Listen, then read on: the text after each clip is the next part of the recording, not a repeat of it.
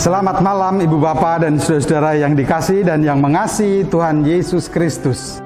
Selamat berjumpa kembali dengan saya Pendeta Hosea pada doa malam Jumat 26 Februari 2021.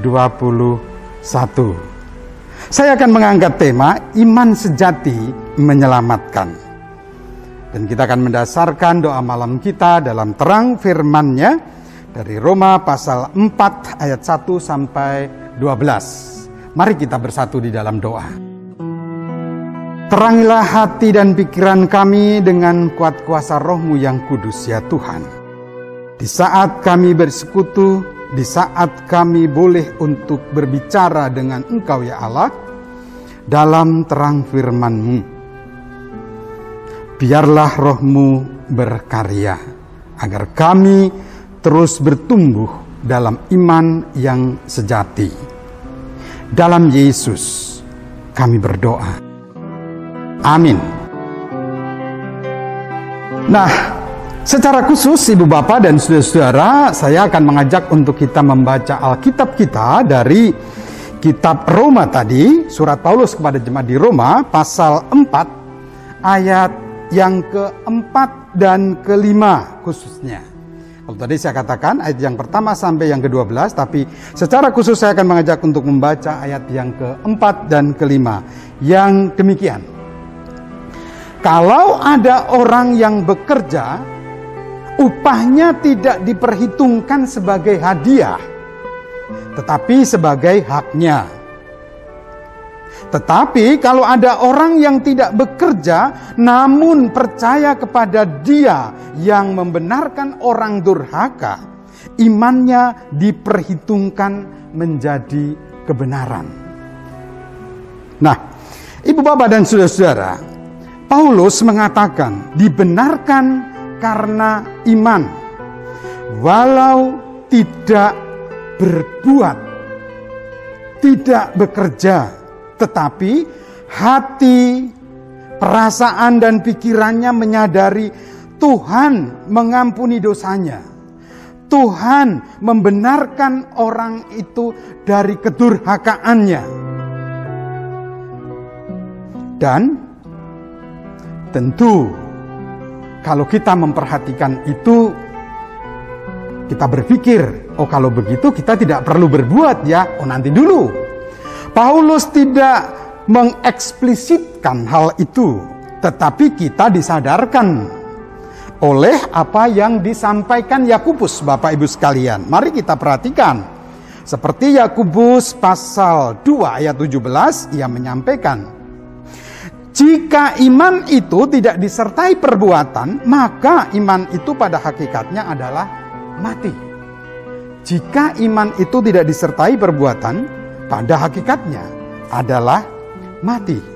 Beriman sejati tampak dari perbuatan atau kerja yang dilakukan. Kerja yang seperti apa? Barangkali pertanyaannya demikian. Dan bagaimana? Nah, inilah sebenarnya jawaban Paulus pada ayat yang keempat. Saya akan sedikit menjelaskan dengan ilustrasi begini Bapak Ibu sekalian. Setiap kali Anton mendapat kepercayaan dari sekolah untuk mengikuti lomba, sang ayah selalu menyampaikan pesannya demikian. Nak, jangan lupa berdoa. Yang kedua, ikuti dan persiapkan diri dengan baik. Sebab itu kepercayaan Tuhan melalui sekolahan. Dan tidak lupa, sang ibu pun senantiasa berpesan, kalau kalah sudah melakukan yang terbaik, nak. Dan kalau menang, itu artinya bonus, itu artinya hadiah. Demikian orang tua itu senantiasa menyampaikan pesan mendasari langkah kerja, langkah perbuatan si anak.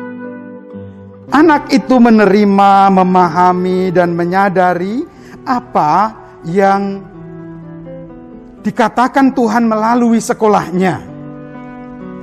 Dan ketika mengerjakan, kalah, telah berbuat baik karena dan bagi Tuhan.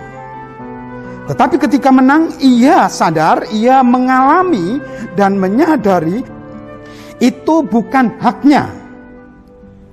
Karena telah berbuat. Melainkan bonus atau hadiah dari Tuhan. Ini yang senantiasa mendasari anak itu. Beriman sejati, mengalami dan menyadari perkataan serta pekerjaan Tuhan.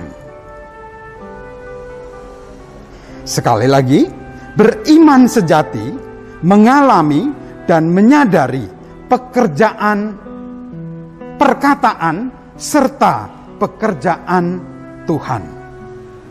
Selamat bertumbuh pada iman yang sejati. Tuhan Yesus memberkati.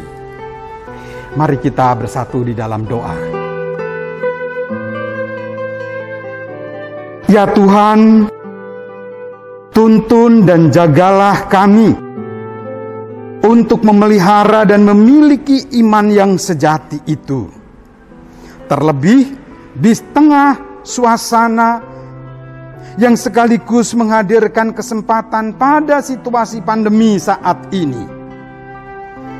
Demikian juga, ya Tuhan, mereka yang berkarya, mereka yang mengalami akan firman-Mu, akan perintah-Mu, akan pekerjaan-Mu, baik mereka yang di dalam pemerintahan, instansi sosial, lembaga, perusahaan, pendidikan, pelayanan, bahkan lembaga-lembaga penginjilan boleh senantiasa mendasarkan perbuatan sebagaimana Paulus ajarkan. Mendasarkan apa yang dilakukan sebagai yang mengalami akan firman Tuhan. Dan mendasarkan pengalaman akan pekerjaan yang Tuhan berikan. Sempurnakanlah doa kami dalam Yesus dan dalam pengasihan kami mohon. Amin. Demikian Bapak Ibu dan Saudara doa malam kita bersama. Selamat bertumbuh dalam iman yang sejati. Tuhan Yesus memberkati. Selamat beristirahat. Selamat malam.